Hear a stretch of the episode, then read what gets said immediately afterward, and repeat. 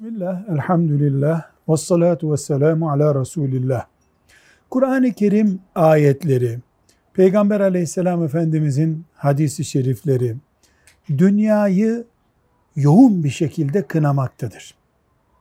Ama bu kınama, dünyanın kendisine değildir. Çünkü dünyayı yaratan Allah'tır. Dünyayı ve cenneti, cehennemi, her şeyi Allah yaratıyor. Allah kınanacak bir şeyi yaratmadı. Müslümanın ebedi cennet gibi dünyayı algılamasını hadisi şerifler ve ayetler kınamaktadır. Kınanan cennetin yerine dünyanın konmasıdır. Faninin ebedi zannedilmesidir. Yoksa dünyanın kınanacak bir yeri yoktur. Üzerinde Kabe'miz var. Peygamber sallallahu aleyhi ve sellemin mübarek naaşı var üstünde. Kınanan dünya değil, dünyanın mabetleştirilmesidir.